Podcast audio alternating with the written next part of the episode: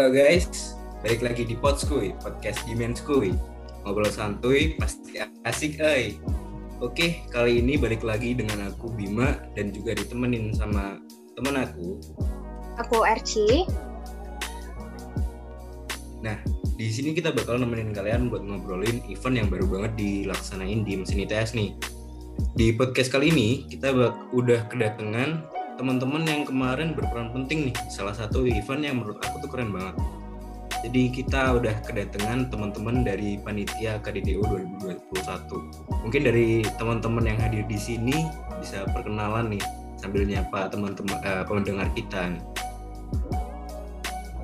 Halo halo. Aku Farel dari LBMM kemarin itu pas KDDO kebetulan aku jadi co-worker Ya, halo juga teman-teman semua. Aku Bayu dari LPM. Kemarin ke DDO, aku berperan jadi sekretaris.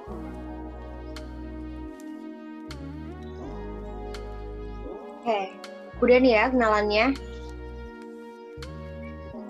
Uh, cukup, cukup. Mungkin kita langsung masuk aja gitu ya ke pertanyaannya supaya nggak lama-lama lagi gitu kan. Uh, karena sekarang kita ini topiknya lagi bahas KDDO, aku mau nanya deh sebenarnya KDDO itu apa sih?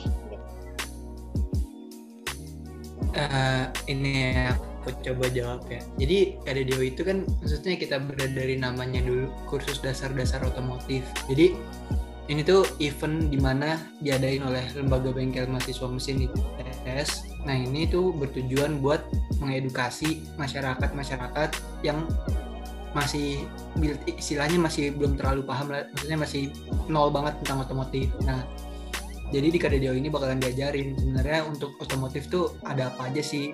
Bagian-bagian dari otomotif terusnya mungkin kalau KDDO juga ngajarin gimana cara kita troubleshoot kendaraan servis kendaraan. Nah gitu sih kalau pengertian KDDO secara umumnya maksudnya secara ya secara general. Mungkin Bayu mau nambahin ya aku jadi mau nambahin juga dari yang Farel. Uh, emang kita kalau KDDO itu bertujuan untuk uh, menambah wawasan otomotif untuk masyarakat awam juga. Uh, tapi di sisi lain kita juga melakukan pengabdian masyarakat ke ma ke masyarakat umum yang secara langsung itu dari event KDDO tersebut. Jadi di situ kita bisa membuat mereka jadi paham tentang otomotif juga dan cara merawat kendaraan mereka. Begitu Oke, makasih banget uh, untuk jawabannya. Uh, aku penasaran nih. Jadi awal mula atau sejarah dari KDDO itu sendiri gimana?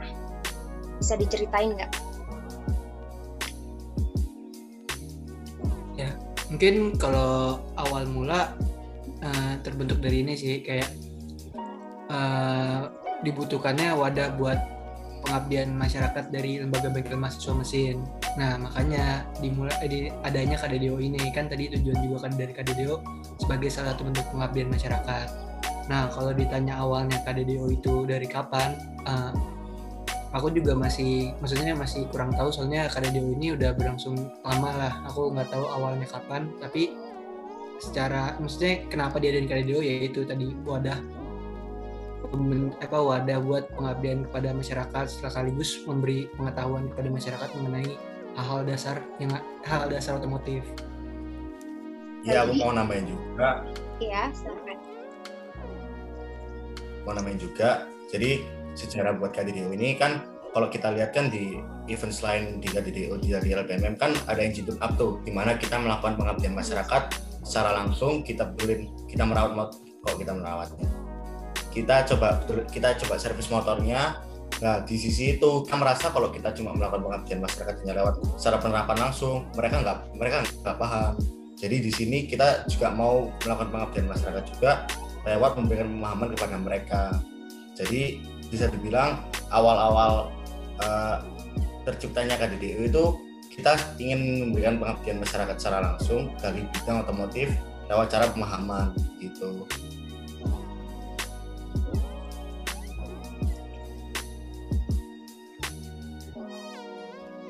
Oke, jadi uh, secara nggak langsung KDDO itu bisa dibilang sebagai uh, garis besarnya tuh sebagai pengabdian masyarakat dari LBM sendiri ya.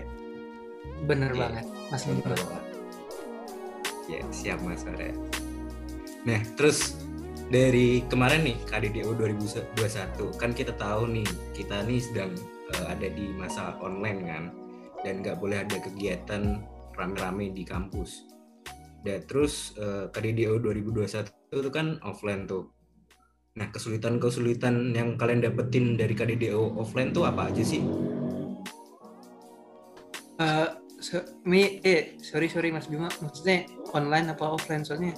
Oh sorry sorry kesulitan KDDO tahun ini di model online ini oh uh, sebenarnya kalau kesulitan KDDO tahun ini ya ini sih maksudnya kesulitan yang pasti dialami setiap kegiatan yang mau dilaksanain online yaitu koordinasi. Karena kalau online gini kan kita nggak maksudnya kalau buat ngomong satu sama lain tuh ada gap ada gapnya gitu loh nggak nggak bisa langsung. Saya juga kadang informasi yang tersampaikan lewat online itu kurang kurang inilah kurang apa namanya uh, maksudnya kurang terserap sem semuanya gitu loh. Pasti ada miskomnya kalau online. Nah itu sih yang kendala eh kendala paling berat dari KDDO online. Soalnya jujur aja kalau buat KDDO offline sama online itu rada beda sih. Kalau buat offline itu dia mengedepankan praktek sementara. Kalau buat online itu ya kita cuma apa namanya kayak kuliah lah istilahnya. Kita join webinar terus saya dengerin narasumber berbicara. Nah itu sih mungkin. Terusnya kendalanya uh, kayaknya coba Bayu mungkin mau nambahin Bayu kendala Bayu oke jadi yang mau nambahin mungkin untuk kendalanya itu di bagaimana kita bisa uh, memobilisasi jumlah pesertanya pas di event itu tersebut. Karena jumlahnya juga banyak uh, di event ini kita juga buat baru terobosan baru buat online. Kita mungkin kendalanya di mana saat kita mau coba mendaftar peserta atau bagaimana kita mau ngajak-ngajak gimana. Karena di online gini takutnya di saat kita mau mengajak anak-anak di saat kita mau mengajak peserta-peserta itu uh, informasi yang bergeser adanya pergeseran informasi itu kurang. Karena online juga ditakutkan orang-orang ya lupa buka email atau gimana. Tapi uh, setidaknya kemarin kendala ini udah cukup apa namanya dikurangin karena kita dari apa namanya pihak KDDU juga bantu buat menghubungi peserta. Itu aja sih. Mungkin Farel ada iya, tambahan iya lagi. ada tambahan lagi ada tambahan lagi. Nih sorry nih nambah nambah lagi.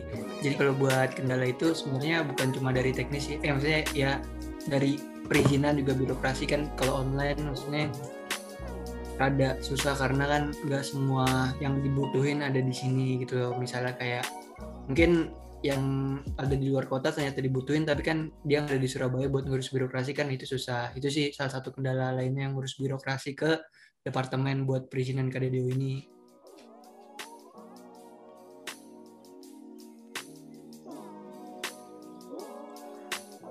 Oke, udah nih.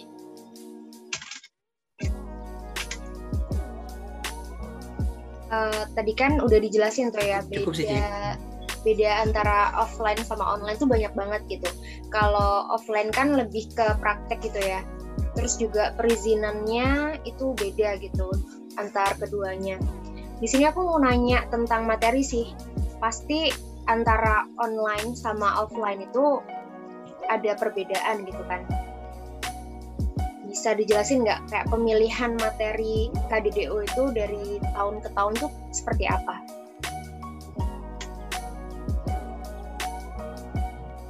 Ya, jadi kalau misalnya buat pemilihan materi antara offline dan online itu sebenarnya uh, materi yang dibawakan itu nggak nggak beda jauh sih. Kayak kemarin kan sempat nyinggung tentang prinsip kerja motor bakar dibuat di materi online. Sebenarnya kalau di materi offline itu ada juga materi yang namanya prinsip kerja motor bakar. Nah bedanya kalau di offline itu kita ya prinsip kerja motor bakar kan kita bongkar mesin bongkar bongkar bongkar head bongkar blok bongkar blok. Nah kalau di offline itu nah itu itu ada prakteknya gimana cara kita SOP buat bongkar bongkar head bongkar blok bongkar crank. Nah itu bakalan diajarin di bakalan diajarin di offline. Nah sementara kalau di online itu kan kita cuma kayak dijelasin apa sih itu mesin bisa cara kerjanya apa. Nah itu sih paling. Terusnya kalau buat materi-materi sih sebenarnya nggak nggak beda jauh sih antara materi offline sama online. Cuma cara pembawaannya cara cara dikemasnya aja yang berbeda. Mungkin kalau yang offline materinya lebih dikemas yang apa ya yang ya yang bisa dipraktekin aja. Cuma kalau online materinya tuh lebih dibawain yang umum aja biar orang juga gampang menyerapnya. Dan kalau mau ngebayanginnya tuh gampang gitu sih oh iya sama ada tambahan sih kayaknya kalau buat materi. Kayaknya kalau yang dulu offline itu materi-materi tentang kendaraan listrik itu belum pernah disinggung. Baru online online ini aja. Jadi tahun tahun lalu kan juga sempat ada KDDO 2020 nah itu juga ya. mulai menyinggung tentang kendaraan listrik.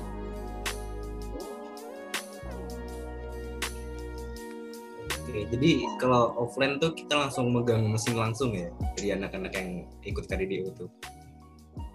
Iya, jadi kalau di kalau secara offline itu uh, bedanya itu ya ya tadi yang udah dibilang Farel. Jadi setelah kita jadi modelnya itu di mana kita masuk ke kelas, semisal kita balik di mesin kan ada E303 atau ruangan di, di berapa, di situ kita dikasih materi terlebih dahulu. Lah, misalnya memungkinkan kita membawa komponen mesin itu di dalam kelas, kita bisa langsung kerjain dan kita bisa langsung berinteraksi dengan uh, komponen tersebut tetapi semisal kita lah kita mau bongkar motor kita mau lihat semisal mobil Dino nah di situ kita harus nyampein dulu materi di kelas baru selesai materi kita langsung dibawa ke bengkel tepatnya di waiting zone itu di mana motor-motor sama Dino itu ada gitu. Menarik menarik. Keren keren. Nah terus buat tahun ini nih uh, KDDO 2021 tuh temanya apa sih kalau kita boleh tahu ini aku jelasin coba ya buat KDD 2021 itu temanya automotive things. Jadi kenapa sih kita milih automotive of things itu? Karena kita pengen di KDDO ini kayak semua orang tuh dapat ilmu tentang apa aja sih yang ada di otomotif itu. Kayak segala hal yang berhubungan dengan otomotif tuh ada di KDDO ini. Nah itu sih kenapa.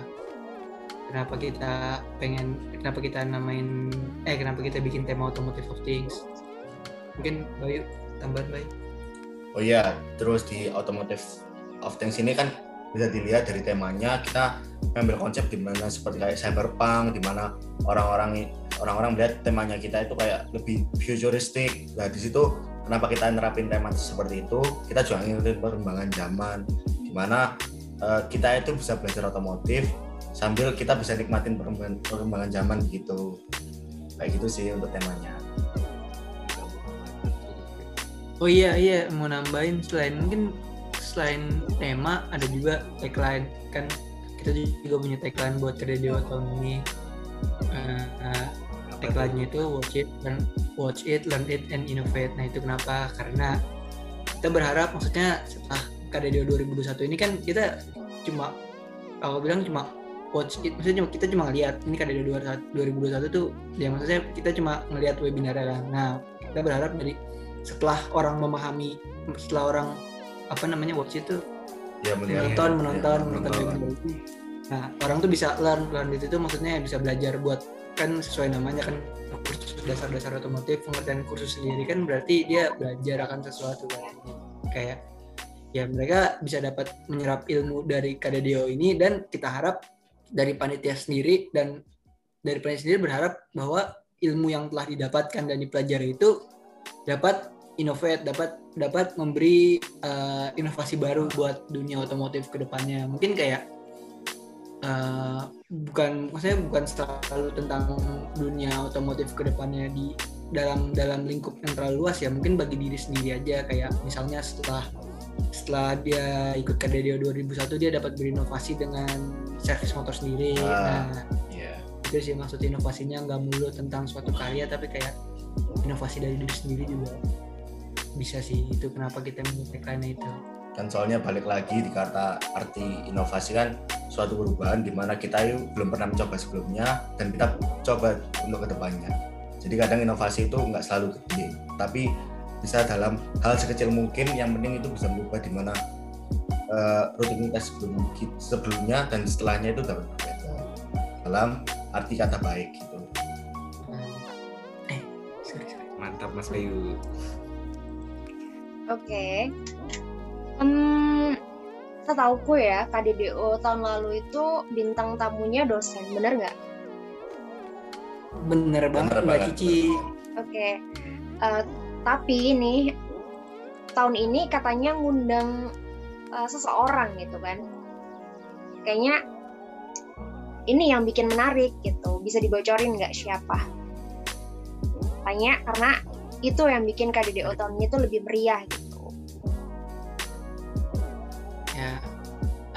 Alhamdulillah pada Alhamdulillah. tahun ini kita yang undang narasumber dari luar itu uh, Bapak Fitreri. Aduh, Alhamdulillah. keren banget gila oke jadi eh, di Fit, Bang Fitra Eri ya nah Ya, dari yang aku lihat lihat nih di talk show kalian sama Bang Fitra Eri itu eh, bahasnya soal elektro electric vehicle kan ya iya. Nah, itu emang itu tema dari kalian eh, request ke Bang Fitra Eri atau itu requestan dari Bang Fitra Eri pengen bawain tentang electronic vehicle tuh Eh, sebenarnya kalau buat materi dari Fitreri kan eh maksud dari Bapak Fitreri kita tuh cenderung ke talk show. Nah, di talk show ini inti utama dari talk show bersama Bapak Fitreri itu kita kayak pengen eh, ngebawa topik antara internal combustion engine versus electric vehicle. Jadi buat kendaraan dengan internal combustion pembakaran dalam dan melawan dengan kendaraan listrik. Nah, itu sebenarnya topik utama yang pengen dibawa talk show bersama Bapak Fitreri. Kenapa kita bawa topik itu? Karena pada eh, eh, sebelumnya nyam- nyambung sih sama sesi-sesi sebelumnya, materi-materi yang dibawa sama sesi sebelumnya kan ada topik khusus mengenai kendaraan listrik yang dibawakan oleh dosen Bapak Nurin Yarto. Terusnya sebelumnya juga ada materi tentang prinsip kerja motor bakar yang dibawa oleh salah satu anggota LBMM juga itu Mas Diandra. Nah, di sini kenapa kenapa kenapa kita milih buat ngadain talk show uh, uh, uh, kendaraan listrik lawan internal combustion engine karena kita ngeliat ini sih kondisi zaman sekarang di mana kayak mobil-mobil listrik juga mulai rame, udah mulai banyak peminatnya. Dan sebelum mobil listrik ini kan maksudnya yang lagi nge-booming, eh yang lagi rame itu kan internal combustion engine atau mobil pembakaran dalam. Nah di sini itu Iya, kayak ya kita pengen ngebuka pandangan orang-orang sih. Maksudnya pengen biar orang-orang tuh terbuka gitu loh. Apa sih lebihnya dari kedua kendaraan ini biar orang-orang juga tahu bakal maksudnya ke depannya tuh kira-kira mana sih kendaraan yang bisa bertahan. Nah terusnya juga sekaligus juga kita ngeberi pengetahuan buat ya perbandingan antara dua kendaraan ini kan karena dua kendaraan ini emang lagi mendominasi kendaraan sekarang yaitu kendaraan eh, maksudnya yang lagi rame lah di di di Saing lah ya, iya. Ya juga mau nambahin juga eh, alasan kita ngasih eh, yang electronic vehicle itu kenapa? Karena semisal kita kita juga merasa kalau warga-warga Indonesia ini masyarakat-masyarakat umum juga kayak kurang pengetahuan juga tentang EV tersebut. Jadi di sini kita coba bantu mereka sih buat memahamin pelan-pelan dasar-dasarnya gimana dasar-dasarnya gimana. Terus coba bandingin sih sama kendaraan yang pakai internal combustion. Di situ mereka setidaknya bisa dapat pemikiran sama pandangan ke depan buat uh, kita untuk ke depannya mau terus-terusan pakai mobil yang kita pakai sekarang atau kita mau beralih ke electronic vehicle gitu. Eh, eh, keren banget sih. Eh, terus eh, boleh nggak aku tahu? Eh, tanya dong dikit soal masalah electric vehicle. Menurut kalian nih eh, menurut kalian aja nih perkembangan electric vehicle di Indonesia tuh gimana?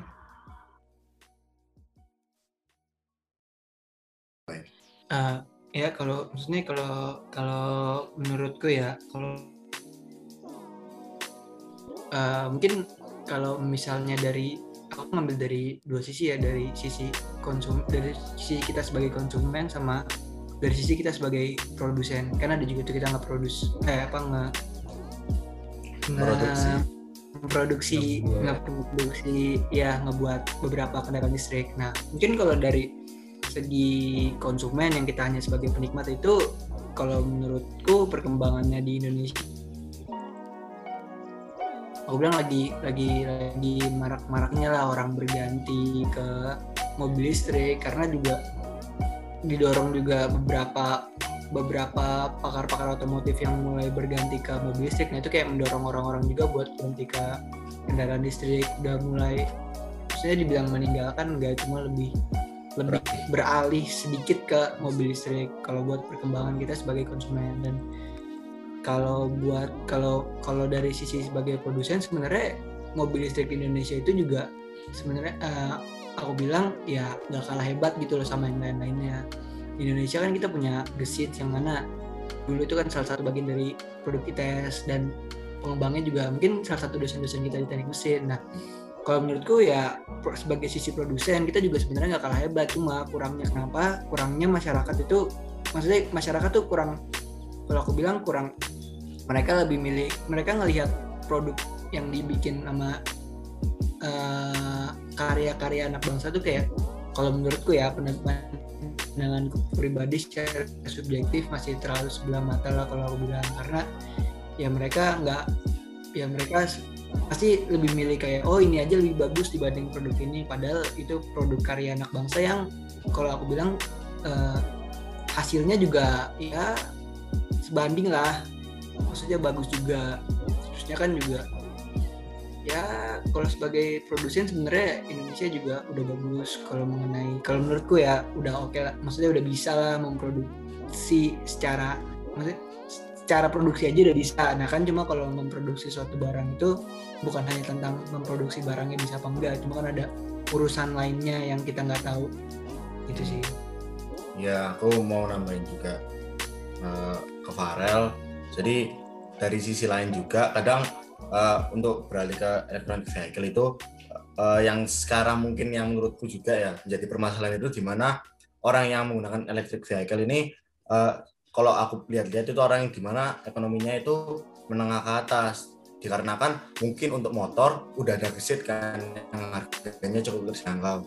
Tapi misal untuk mobil itu sekiranya yang baru masuk itu Tesla dan mungkin yang terbaru Hyundai.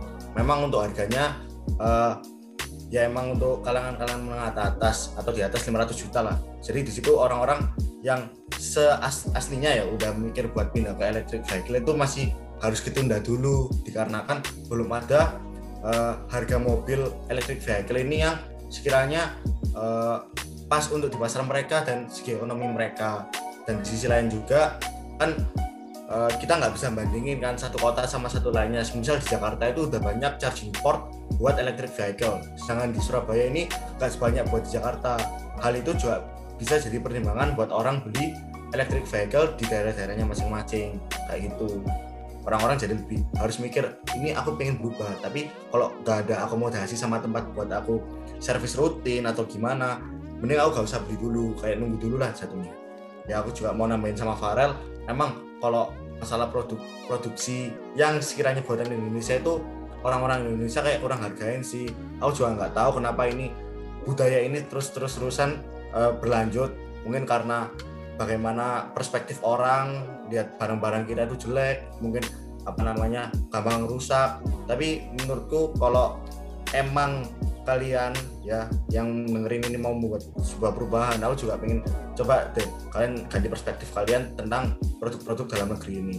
Mungkin kalau emang dari bidangnya minatnya di otomotif bisa dilihat gimana produk research ini uh, setidaknya layak lah dan cukup bagus menurutku dan bisa membuktikan bahwa produk dari kita ini membanggakan gitu.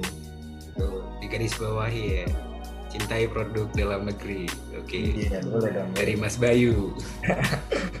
boleh, boleh.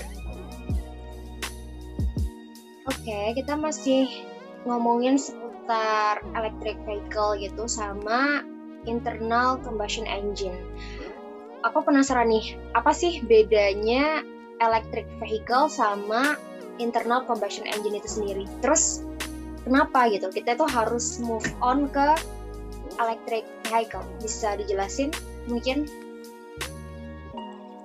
Uh, ya, jadi kalau misalnya ditanya bedanya electric vehicle sama internal combustion engine itu, ya yang pertama sih beda dari mesinnya secara umum kayak kalau internal combustion engine dari namanya itu mesin pembakaran dalam dia cara kerjanya itu pakai piston yang bergerak nah kalau misalnya dari electric vehicle sendiri itu kalau buat menggerakkan kendaraannya itu dia menggunakan motor listrik. Nah itu sih secara general aja kalau emang eh maksudnya bedanya dari internal combustion engine sama electric vehicle. Nah terusnya kenapa kita harus pindah eh maksudnya kenapa kenapa orang-orang harus pindah dari internal combustion engine ke electric electric vehicle eh ke electric vehicle? Nah ini kayak ya kalau menurutku menurutku pribadi uh, eh, EV ini apa kendaraan listrik ini dia lebih uh, lebih oh, biaya buat apa namanya bahan bakar tuh. Biaya buat mobil ini jalan tuh bisa lebih murah dibandingkan dengan internal combustion engine. Karena aku udah eh maksudnya aku sempat ngeliat di internet kayak perbandingan konsumsi bahan bakar eh bak, perbandingan penggunaan biaya konsumsi bahan bakar electric vehicle engine versus mesin internal combustion engine. Nah ini kayak menurutku dari sini tuh orang-orang bisa mulai beralih gitu loh karena ya dapat mengurangi ongkos transport sehari-hari. Nah terusnya juga uh, mungkin kalau dibilang ramah lingkungan aku sebenarnya masih rada masih rada ragu sih karena kan uh, apa namanya electric vehicle juga dia menggunakan listrik dan yang mana listrik kan dihasilkan dari batu bara. Nah itu kan maksudnya menimbulkan hal yang sama terhadap lingkungan nah cuma bedanya kalau buat electric vehicle yang itu electric vehicle dia kayak ya uh, ramah lingkungan maksudnya ramah lingkungan buat dipakai cuma kan tetap aja ada dia menghasilkan energi dari suatu pembangkit nah kalau misalnya ramah lingkungan aku masih masih masih bingung sih harus ngomongnya gimana mungkin Oke. Okay. Ya aku mau nambahin juga. Mungkin kalau yang sedang rame-ramenya kan kenapa kita harus pindah ke electric vehicle ya? Kita balik lagi lah ke di mana manusia ini kayak mau membandingin barang itu pasti yang yang mereka mikir apa yang ada di mata gitu loh di mana apa namanya internal combustion engine ini sama perbedaannya sama electric vehicle sementara yang mereka ramah lingkungan itu di mana di mana internal combustion engine ini uh, menghasilkan bahan menghasilkan gas buang yang di mana itu uh, emis dari gas buang itu merusak lingkungan lah yang asap-asap bakal ngubangin ozon. Nah di situ kenapa menurutku juga orang-orang harus tidaknya pindah ke electric vehicle ya? Ini menurutku kan menurut, mungkin menurut Mas Falil ya. Kita apa namanya uh, kalau kita pakai electric vehicle setidaknya kita bisa uh, save the world lah. Di mana uh, gas buang dari internal combustion engine ini kan kita bisa lihat asap-asapnya gimana baunya gimana dan merusak pandangan kita selama kita jalan jalan di mobil atau gimana. Dan kalau kita pakai electric vehicle kita nggak gas buang ada tapi tidak berbentuk asap seperti itu. Jadi setidaknya uh, lebih ramah lingkungan lah di situ. Mungkin kalau perbandingannya dari sisi konsumtifnya mereka kedua-keduanya gimana kalau kita pakai internal combustion sama uh, eh, PLN eh PLN internal combustion sama electric vehicle itu uh, uh, keduanya sama-sama membutuhkan di mana uh, bahan bakarnya itu bahan bakar mentahnya itu kita nggak bisa produksi lagi. Lah di kenapa kok kita kenapa kok aku juga tetap ke buat electric vehicle? Setidaknya kalau misal bensin dan fosil habis ya gimana bahan bakar dari internal combustion engine kita menggunakan fosil buat nyiptain seperti ya kayak pertalite dan lain itu udah habis. Kita nggak bisa buat kita harus nunggu waktu lama lagi buat adanya bahan bakar tersebut dan kalau di vehicle kita bisa ngakalinya itu lewat solar energy di mana dari energi panas kita bisa alurin ke energi listrik jadi uh, setidaknya buat electric vehicle ini kalau aku bilang buat ngakalin di bahan bakarnya ya bisa pakai solar energi yang sekiranya ramah lingkungan seperti itu. Oke, jadi uh, secara garis besar buat alasannya itu karena lebih murah dan uh, ramah lingkungan. Tapi mungkin kalau ramah lingkungan di Indonesia belum bisa dibilang 100% karena kita masih pakai batu bara ya. Bener banget. Nah cakep. Oke. Sekarang kita agak geser sebentar nih dikit. Uh, aku pengen tahu dong kalian nih anak LBMM ketika di kondisi online gini nih. Nah keseharian kalian tuh uh, di LBMM kegiatan bengkel lah ya itu gimana tuh kondisinya ketika online gini? Uh, kegiatan ini LBMM ketika online sebenarnya ya kita tetap belajar tentang otomotif cuma karena kondisi yang mengharuskan online jadi kita hanya dap maksudnya dapatnya cuma ya materi-materi aja kayak mungkin mungkin nggak semua hanya dapat materi mungkin kan yang di Surabaya mereka bisa langsung belajar dengan syarat mematuhi protokol kesehatan ya buat iya yeah, pasti itu harus langsung, harus.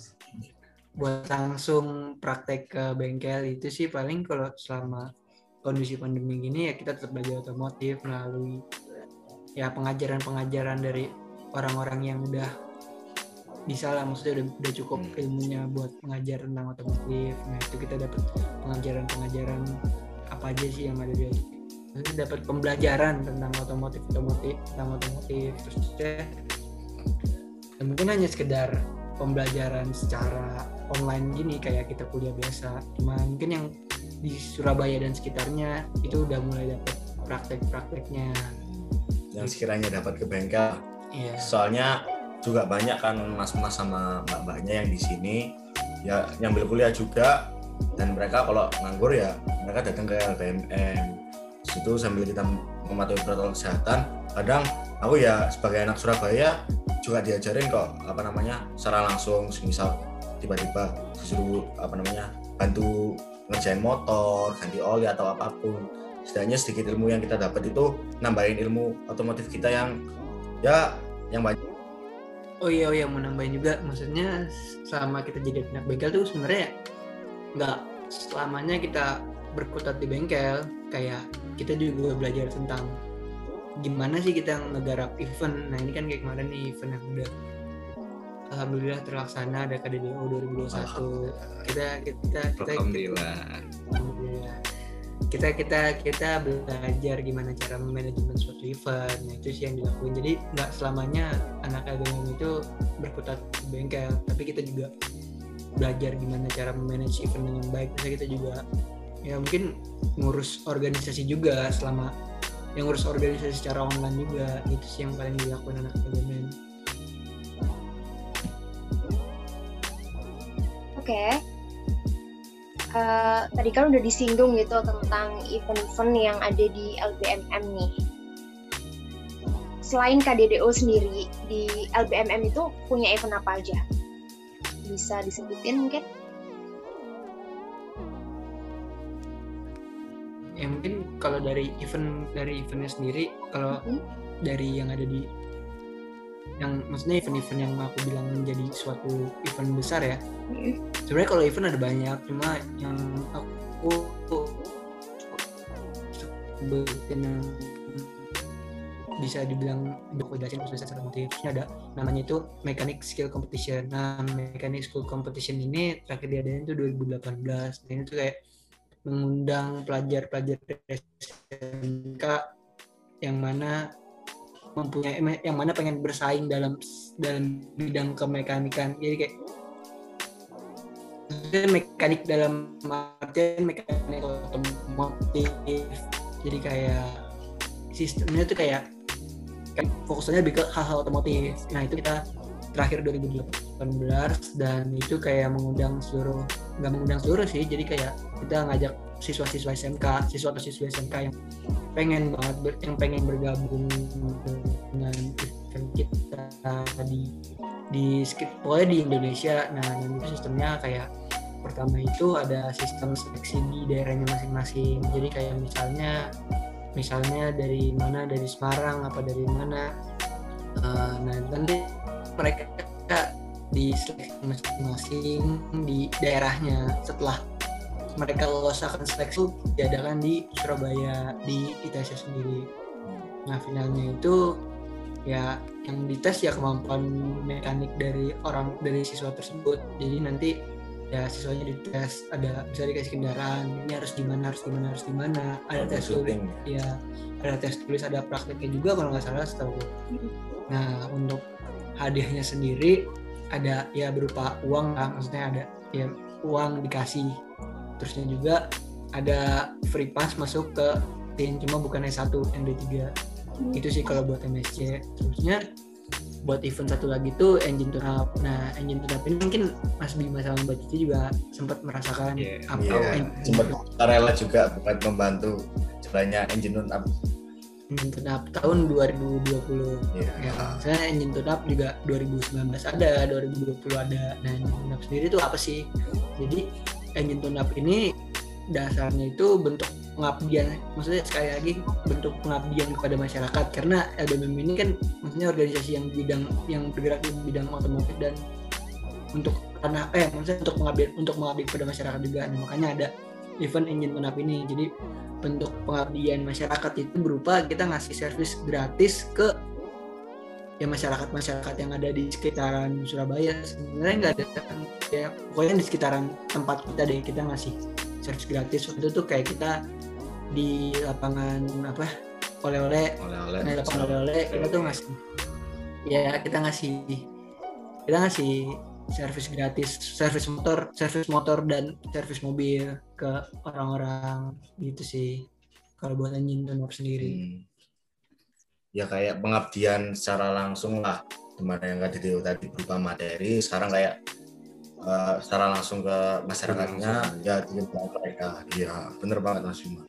Sama aku mau nambahin untuk ya emang untuk event-eventnya sekiranya sini juga banyak. Tapi untuk yang tiga besarnya itu uh, di ETU, MSC sama KDDO karena patokan kita untuk sebuah event itu besar-besar itu di mana untuk yang mengikuti lebih dari 300 misalnya itu kemarin kan untuk pesertanya kita bisa ambil ya 300 300 lah per hari untuk rata-ratanya. Dan untuk MSC terakhir itu emang angkanya fantastis juga ya. Kita dapat angka 2000 untuk seluruh peserta yang join di MSC dan untuk itu itu total keseluruhan motor sama mobilnya itu kita bisa ambil ya di angka mungkin untuk motor mobilnya nggak mungkin di angka 300 tapi kan orang-orang keluarga keluarga yang punya mobil kan kalau bisa kita alokasikan ya pasti ya lebih kayak gitu. Oke. Okay. keren sih keren keren. Okay. Uh, eh, tadi untuk uh, yang kompetisi buat anak SMA MSC itu itu kan terakhir 2018 ya? Iya. Iya benar. Nah untuk rencananya ke depan sendiri itu akan dimulai lagi atau seperti apa?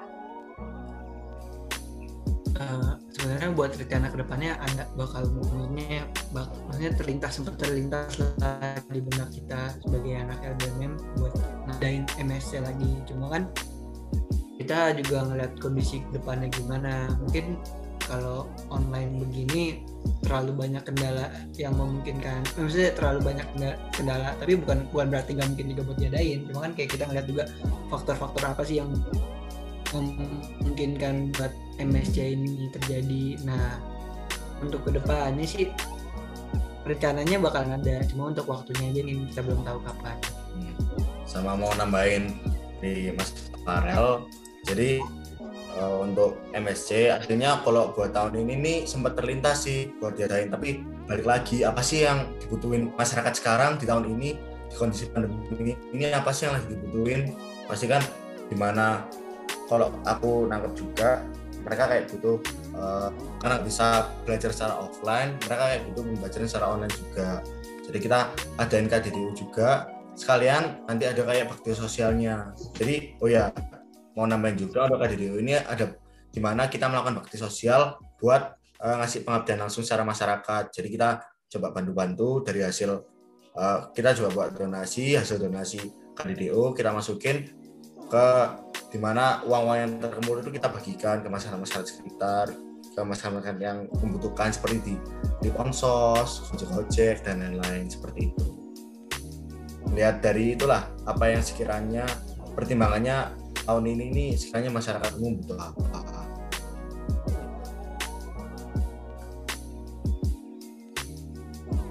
Oke, keren keren keren.